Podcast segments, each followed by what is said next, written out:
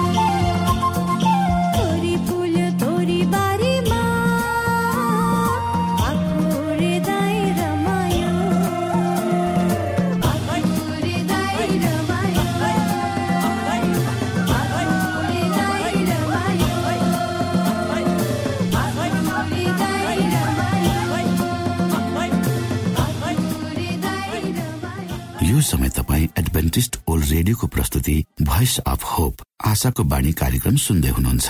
श्रोता मित्र यो समय हामी पास्टर उमेश पोखरेलबाट आजको बाइबल सन्देश सुन्नेछौ। श्रोता साथी न्यानो अभिवादन साथ। म तपाईँको आफ्नै आफन्त अर्थात् पास्टर उमेश पोखरेल परमेश्वरको वचन लिएर यो रेडियो कार्यक्रम मार्फत पुनः तपाईँहरूको बिचमा उपस्थित भएको छु। मलाई आशा छ तपाईँले हाम्रा कार्यक्रमहरूलाई नियमित रूपमा सुनेर परमेश्वरका प्रशस्त आशिषहरू प्राप्त गर्दै हुनुहुन्छ। श्रोता यदि तपाईँका कुनै जिज्ञासाहरू छन् भने कुनै कुरा तपाईँ हामीसँग बाँड्न चाहनुहुन्छ भने कृपया गरेर हाम्रो पत्र व्यवहारको ठेगानामा हामीले लेखेर पठाइदिनु भयो भने हामी तपाईँप्रति धन्यवादी हुन्थ्यौँ। आउनुहोस् तपाईँ हामी केही समय परमेश्वर सँगसँगै बिताउँ। आजको प्रस्तुतिलाई पस्कनुभन्दा पहिले आउनुहोस् म परमेश्वरमा अगुवाईको लागि बिन्ती राख्दछु।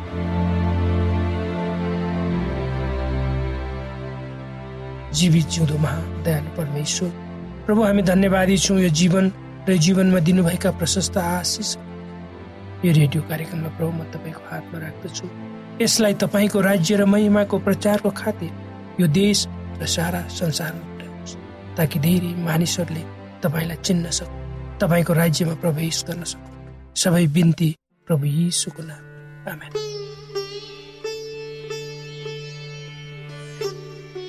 श्रोत साथी यी एक नकारात्मक भावना हो। यो मानिसको मनमा उत्पन्न हुने एक किसिमको अस्वाभाविक शङ्का डर रिसको कारणले हुन सक्छ। जसको प्रतिफल हिंसा पनि हुन सक्छ। मानिसले आफूलाई तल्लो रूपमा हेर्नु वा म त केही पनि होइन भन्ने भावनाद्वारा बाल्य अवस्थादेखि नै गुज्रिनुको कारणबाट पनि हुन सक्छ। यो भावना आफ्नै दिदीबहिनी दाजुभाइ बिचबाट सुरु हुन सक्छ। र भएको पाइन्छ। इख वा रिस प्रत्येक मानिसमा हुन्छ तर यसलाई कसरी प्रस्तुत गरिन्छ? त्यो भने प्रत्येक व्यक्ति जुन वातावरण र परिस्थितिमा भएर हुर्किएको वा बढेको हुन्छ त्यसमा भर पर्छ। पवित्र धर्मशास्त्र बाइबलमा हामीले हेऱ्यौँ भने यसको सुरुवात पृथ्वीको सृष्टि पछिदेखि नै भएको पाइन्छ। कैन आदम र हवाका पहिला सन्तान थिए र उनका भाइ हाबिल थिए। हाबिल भेडा गोठाला भए र कहीँ चाहिँ भूमिको खेती किसानी गर्ने भए। केही समयपछि कैनले परमप्रभु कहाँ भूमिको उब्जनीबाट केही ल्याए। तर हाबिलले आफ्ना भेडाको बगालबाट पहिले जन्मेका पाठाको बोसे भाग ल्याए। परमप्रभुले हाबिल र तिनको भेटी ग्रहण गर्नुभयो तर कैन र तिनको भेटी ग्रहण गर्नु भएन यसैले कैन ज्यादै रिसाए र तिनको मुख अध्यारो भयो। कैनको रिस आफ्नो भाइप्रतिको घृणा र ऊ समान हुने इच्छाको अभिव्यक्ति थियो। अर्थात् ऊ आफ्नो भाइ हाबिल भन्दा पनि राम्रो हुन चाहन्थ्यो त्यसको प्रतिफल कैनको मनमा आफ्नो भाइप्रति घृणा जाग्यो र त्यसले उसलाई मृत्युसम्म पुर्यायो। धेरै अवस्थामा रिस धेरै अवस्थामा रिस कुनै कुरा हासिल गर्ने इच्छा गर्ने त्यसको चाहना गर्ने जुन कुरा अरूको हो त्यसबाट सुरु हुन्छ। र अरूको कुरा प्राप्त गर्ने इच्छाबाट सुरु हुन्छ कुनै पनि कुराको इच्छा राख्नु आफैमा नराम्रो होइन श्रोत तर उक्त कुरा कसरी प्राप्त गर्ने भन्ने क्रममा गरिने प्रयास भने गलत हुन सक्छ। जस्तो खेल मैदानमा उभिएका धावकहरूमा आफू पहिला हुने इच्छा हुनु स्वाभाविक त्यो हुनुपर्छ। त्यसको निम्ति प्रत्येक खेलाडीहरूले कडा मेहनत र परिश्रम गर्नै पर्छ। रिसको सुरुवात सानै उमेरबाटै हुन्छ। हाम्रो पहिलो छोरो दस वर्षको भएपछि मात्र दोस्रो छोरो जन्म। आफ्नो भाइ जन्मेकोमा मेरो जेठो छोरो सुरुमा त खुसी भयो तर बिस्तारै बिस्तारै हाम्रो ध्यान जानेर वा नजानेर ऊभन्दा उसको सानो भाइतर्फ बेसी भयो तब ऊ आफ्नो भाइसँग रिसाउन थाल्यो। र धेरै पटक हामीसँग प्रश्न गर्न थाल्यो के म सानो छँदा तपाईँले मलाई पनि भाइलाई झै माया गर्नुहुन्थ्यो? केही सबै कुराहरू भाइसँग छन् ती। मसँग पनि थिए त खेल्नको लागि। जब म सानो थिएँ आदि आदि धेरै प्रश्नहरू। भाइ नजन्मेको भए कति राम्रो हुने थियो। आजको जमानामा आफ्ना बाबुआमाको प्यारो हुन सन्तानहरू तछाड मछाड गर्छन् र स्वाभाविकै पनि हो। कतिपय परिवारमा दोस्रो बच्चा जन्मेपछि पहिलो बच्चालाई व्यवस्था गरिएको पनि देखिन्छ। त्यो विभिन्न कारणले हुन सक्छ। पवित्र धर्मशास्त्र बाइबलको उत्पत्ति सैतिस अध्यायको तीन पदमा हेऱ्यौँ भने आफ्नो बुढेसकालको छोरो भएकोले इसरायलले अरू छोराहरूलाई भन्दा योसेफलाई बढी माया गर्थे। त्यही कारणले योसेफका दाजुहरू उनीप्रति बैरी भए। र आफ्नो बाबुको योसेफप्रतिको प्रेम योसेफको गल्ती थिएन भन्ने कुरा उनीहरूले बुझेको भए योसेफलाई आफ्नै दाजुहरूले बेच्ने थिएनन् होला। जसरी कैनले आफ्ना निर्दोष भाइ हाबिललाई मारे। त्यसै गरी निर्दोष योसेफलाई उनका दाजुहरूले परदेशीको हातमा बेचिदिए तपाईँ कुन अवस्थामा हुनुहुन्छ? मलाई थाहा छैन।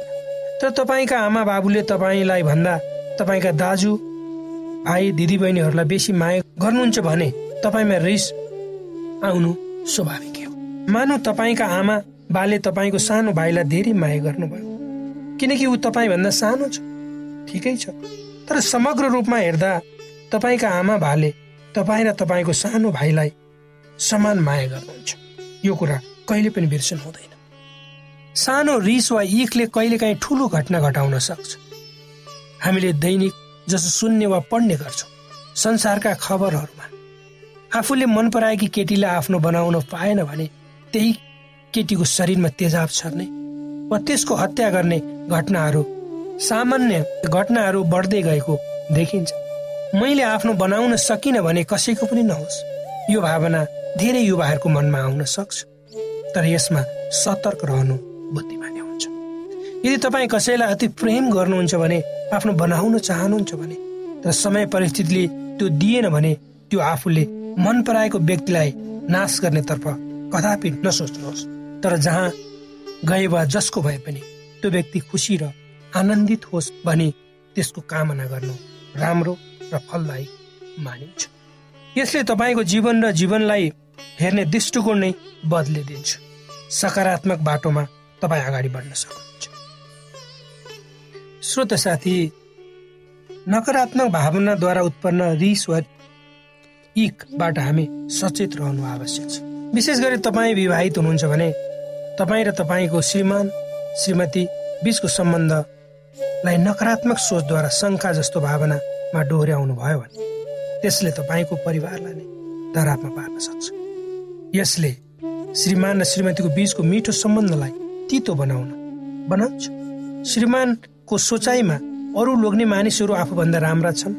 श्रीमतीको मनमा श्रीमानको सोचाइमा अरू लोग्ने मानिसहरू आफूभन्दा राम्रा छन् र श्रीमतीको मन उनीहरूतिर तानिन सक्छ। त्यस्तै श्रीमतीको पनि सोचाइ हुन सक्छ। यो कुरा सुरु सुरुमा अव्यक्त नै रहन्छ श्रीमान श्रीमती बिच तर भित्रभित्रै दुवैको मनमा शङ्खाले जरो गाड्दै जान्छ। अनि बिस्तारै बिस्तारै उनीहरूको सम्बन्धमा दरार आउँछ र यसले एकअर्काप्रति अविश्वास ल्याउँछ। रिस वा इखले मानिसलाई भावनात्मक रूपमा मात्र नभई शारीरिक रूपमा पनि असर पार्दछ। यसले मानिसलाई उसको आफ्नो जीवनलाई समाप्त गर्ने अरूको जीवन समेत समाप्त गर्ने अवस्थासम्म पुर्याउन सक्छ। यो एक किसिमको रोग पनि हो जसको कारणले यस्ता मानिसहरूले अचानक केही ठुलो घटनाहरू घटाउन सक्छन् जस्तो एकअर्कामा आक्रमण गर्नु अचानक आफ्नो शरीरको अङ्गमा काट्नु आलोचना गर्नु आदि धेरै कुराहरू। बाल्य अवस्थादेखि नै देखिएको द्वेषको लामो असर पर्दछ। यदि तपाईँ महिला हुनुहुन्छ र अरू महिलाहरूसँग आफूलाई तुलना गरी आफूलाई उनीहरूको स्तरभन्दा तल हेर्नु भएको छ भने तब तपाईँमा पनि यस्तो भावना आउन सक्छ। यो स्वाभाविक भावना हो। अरूसँग आफूलाई तुलना गर्नु। तपाईँमा के कुराको कमी भएको छ के तपाईँले महसुस गर्नुभएको छ? आफूलाई कोसँग तुलना गर्नुभएको छ? यदि यस्तो अवस्थामा तपाईँ हुनुहुन्छ भने तपाईँ चिन्ता नगर्नुहोस्। परमेश्वरले सबै मानिस चाहे लोग्ने मानिस वा महिला समान रूपमा बनाउनु भएको छ। तपाईँलाई पनि उहाँले अरू अरू झैँ समान रूपमा बनाउनु भयो। तपाईँमा कुनै कुराको पनि घटी कमी छैन। यदि तपाईँलाई देखेर अरूले रिस गर्छन् भने तपाईँले आफूलाई म ठुलो भने कहिले पनि नसोच्नुहोस्। तर यदि तर नसोच्नुहोस् तर अरू मानिस जसले आफूलाई तपाईँभन्दा सानो ठान्छन् भने तिनीहरूलाई पनि आफू जस्तै हुन उत्साहित गर्नुहोस् ताकि उनीहरू पनि चम्किउन् तपाईँ सबै। श्रोत साथी दुर्भाग्यवश संसारमा तपाईँ हामी यस्ता मानिसहरूद्वारा घेरिएका हुन्छौँ जो अरू मानिसहरूले रिस र इ गरेको हेर्न चाहन्छन्। परमेश्वरले तपाईँ हामी मानिसलाई समान रूपमा बनाउनु भएको छ। यो कुरो हामीले कहिले पनि बोल्नु हुँदैन। परमेश्वरले यी वचनहरूद्वारा तपाईँलाई आशिष दिउन्।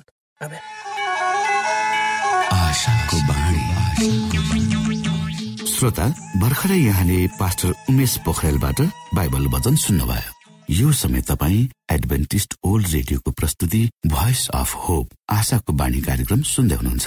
कार्यक्रम सुनेर बस्नुहुने सबै श्रोतालाई हामी हाम्रो कार्यक्रममा स्वागत गर्न चाहन्छौ।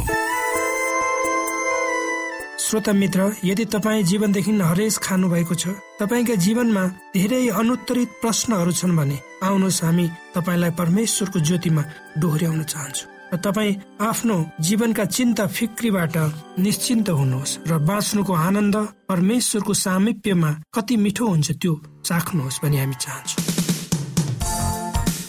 श्रोता यदि तपाईँ आशाको बाणी कार्यक्रमलाई अनलाइन सुन्न चाहनुहुन्छ वा डाउनलोड गर्न चाहनुहुन्छ भने ओआरजीमा जानुहोस्। त्यहाँ तपाईँले प्रत्येक दिनको कार्यक्रम सुन्न र डाउनलोड गर्न सक्नुहुनेछ। हाम्रो वेब पेज यस प्रकार छ W dot AWR dot org श्रोता यदि तपाईँ हामीसित सिधै फोनमा सम्पर्क गर्न चाहनुहुन्छ भने हाम्रा नम्बरहरू यस प्रकार छन्। अन्ठानब्बे एकसाठी पचपन्न शून्य एक सय बिस। अन्ठानब्बे एकसाठी पचपन्न शून्य एक सय बिस। र अर्को अन्ठानब्बे अठार त्रिपन्न पन्चानब्बे पचपन्न। अन्ठानब्बे अठार त्रिपन्न पन्चानब्बे पचपन्न।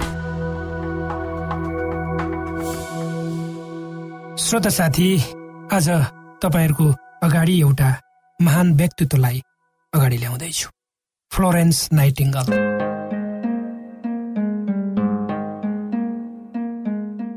के तपाईँलाई फ्लोरेन्स नाइटिङ्गलको विषयमा थाहा छ? मेरो बुबाले भन्नुभएको थियो उहाँ नर्स हुनुहुन्थ्यो अरे। फ्लोरेन्स नाइटिङ्गल एउटा धनी परिवारमा जन्मेर विलासिता र सुख सुविधामा हुर्केकी एउटी केटी थिइन्। सानो उमेरदेखि नै उनी अन्य मानिसहरूलाई मद्दत गर्न रुचाउँथिन्। यद्यपि उनी ठुलो परिवारमा सम्पन्न परिवार जन्मेकी थिइन्। जब उनी सानै थिइन् उनी पुतलीहरूसँग खेल्ने गर्थिन्। र उनी ती पुतलीहरू बेरामी भएको मानेर उनीहरूको उपचार गर्ने गर्थिन्। यदि कुनै जनावरहरू बेरामी भएको देखिन् भने उनी ती जनावरहरूको मद्दत गर्न सदैव तयार रहन्थे। र उनी सम्पन्न परिवारकी छोरी भए पनि पिकनिक डान्स पार्टीहरूमा उनी जान त्यति रुचाउँदिनथिन्। र त्योभन्दा बरु उनी आफ्नो पिताको कामदारहरू बस्ने घरमा उनी जान मन पराउँथिन् र उनीहरूसँग समय बिताउँथिन्। उनीहरूसँग दुःख सुख उनी बाँड्ने गर्थिन्। उनी धेरै सक्रिय र सधैँ खुसी रहने र अरूलाई मद्दत गर्ने किसिमकी व्यक्तित्व थिए। उनको नर्स बन्ने चाहना जब उनले आफ्ना माता पितालाई भनिन् उनीहरूले मानेनन्। किनकि त्यति बेलाको समयमा नर्स पेसा राम्रो परिवारको केटीहरूको लागि सुहाउँदो मानिन्न थियो। तर उनले आफ्नो चाहना पुनः दोहोऱ्याइन् र भनिन् मेरो विचारमा परमेश्वरले मलाई नर्स बन्न बोलाउनु भएको छ भन्ने छ। आफ्ना पिताको इच्छा विपरीत जब लन्डनमा उनले अस्पतालहरू भ्रमण गरिन् उनी आश्चर्यचकित भइन्। त्यति बेला नर्सका निम्ति उपयुक्त तालिमको व्यवस्था थिएन। उनीहरूको अवस्था पनि राम्रो थिएन काम गर्ने ठाउँ राम्रो थिएन र सफा पनि थिए। फ्लोरेन्सले जर्मनीमा अध्ययन गरिन् र पछि गएर पेरिसमा आफ्नो पेसामा विशेषज्ञताको तालिम लिइन्। र जब अठार सय चौन्नमा क्रिमन वार सुरु भयो उनी काम गर्न तयार भइसकेकी थिइन्। उनी युद्ध मैदानमा चालिसवटा नर्सहरूलाई लिएर सहयोगको निम्ति त्यहाँ गइन्। जब उनी अस्पतालभित्र पसिन् त्यहाँको दर्दनाक अवस्था देखेर धेरै दुखित भइन्। त्यहाँ आएको गन्ध सहन नसकिने थियो। बिरामीहरू भुइँमा स्ट्रेचरहरूमा सुताइएको थिए र उनीहरूको अवस्था बडो नराम्रो थियो। झिङ्गा र साङ्लाहरू जताततै घुमिरहेका थिए। बिरामीहरूले लगाएका लुगाहरू रगते रगतले भिजेका थिए। र मुसाहरू बिरामीको शरीर तल माथि भएर दौडन्थे र घाउको पिप र सडेको मासुहरू चाट्थे र खान्थे। नाइटिङ्गलले सबै कुरा देखिन् र उनले परिवर्तन गरिन्। पहिलो कुरा उक्त ठाउँलाई उनले पुछ्न लगाइन् र संक्रमण हुनबाट बचाइन् र नयाँ ओछ्यानहरूको व्यवस्था गरिन्। लुगाहरूलाई धोइन् र त्यसलाई सफा गर्न उम्लिएको पानीमा डुबाउन लगाइन्। उनको प्रयास र प्रयत्नले ब्रिटिस मेल्टुरी हस्पिटलको रङ्ग बदलियो जुन पहिले मुर्दा राख्ने ठाउँ जस्तो देखिन्थ्यो भने पछि आएर एउटा आशाको केन्द्र बन्यो। घाउ चोट लागेकाहरूको उपचारको साथसाथै उनीहरूसँग राम्रो सदासहायता उनले देखाउँथिन् र सिपाहीहरूले उनलाई लालटिन बोकेकी वा बत्ती बोकेकी महिला भनेर बोलाउँथे किनकि उनी बत्ती बोकेर रातभरि बरन्डाहरूमा जान्थिन् ताकि सबै बिरामीहरू ठिकठाक हुन् भनेर। उनले चोटपटक लागेका र मर्न आँटेकाहरू सबैको लागि गर्नुपर्ने सबै किसिमको सेवा प्रेम सद्भावना पूर्वक गरिन् र सबैको जीवनमा उनले एउटा आशाको दियो बालिन्। जब उनी युद्धको कार्यक्षेत्रबाट आफ्नो देश फर्किन् त्यस समय उनको निम्ति भव्य स्वागतको तयारी गरिएको थियो। उनको निस्वार्थ सेवाको सम्मान गरिँदै धेरै पैसाहरू जम्मा गरियो उनलाई दिनको निम्ति पुरस्कार। उनले उक्त पैसा लिन अस्वीकार गरिन् र उक्त पैसा उनको नाममा नर्सिङ स्कुल बनाउन खर्च गरियो। आज नाम चलेका नर्सहरू र अन्तर्राष्ट्रिय रेड क्रसहरूले उनको पाइलालाई इन्सपिरेसनको रूपमा लिने गर्छन्। कोभिड नाइन्टिनका सम्पूर्ण खोप वा भ्याक्सिनको सफल परीक्षण गरिएको छ। यी भ्याक्सिन लिनाले हामी गम्भीर बिरामी हुनबाट जोगिन सक्छौ। त्यसैले तपाईँ पनि यो खोप लिनुहोस्। यदि तपाईँलाई पहिले नै कोभिड पोजिटिभ देखिसकिएको छ भने तपाईँ यो खोप चाँडै नै लिनुहोस्। यसो गर्नाले हामी र हाम्रो समुदायमा रोग प्रतिरोधक शक्ति चाँडै नै आउनेछ र हामी सबैजना पहिले जस्तै सामान्य जीवनमा फर्कन सक्दछौ। युनेस्को डब्लुएचओ र रेडियो कार्यक्रम आशाको बाणीबाट जनहितमा जारी सन्देश। अनौठो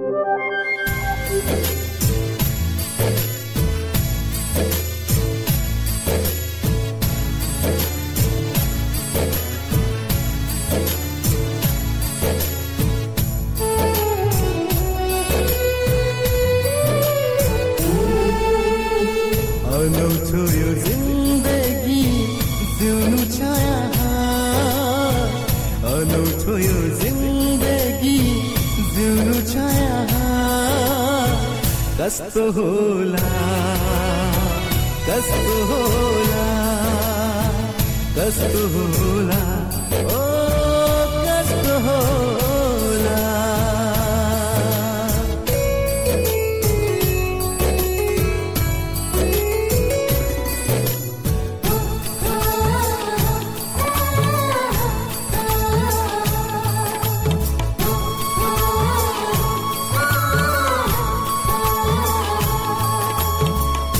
राम्रो भन्दा नराम्रो सुनिदिने नराम्रो त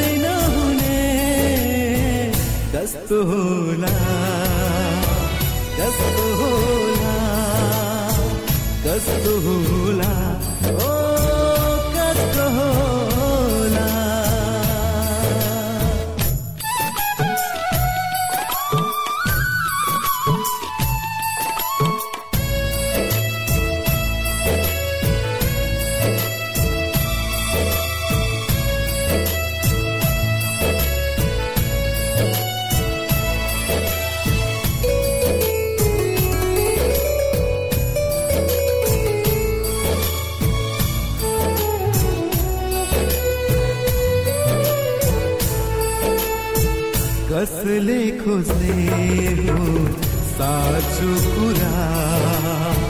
जसले मानिसलाई बाटो देखाउँछ। कसले खोज्ने हो साँचो कुरा। जसले मानिसलाई बाटो देखाउँछ कसले बुझ्ने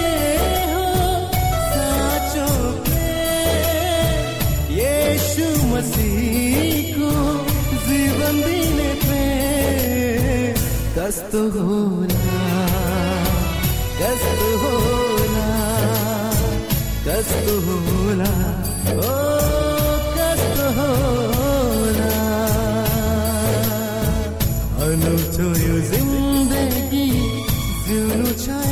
श्रोता आजको हाम्रो यो कार्यक्रम शिक्षाप्रद लाग्यो र तपाईँले यसबाट विशेष अगुवाई लिन सक्नु भएको छ भने हामीले आशा लिएका छौँ। हामीसँग पत्राचार गर्ने हाम्रो ठेगाना यस प्रकार छ।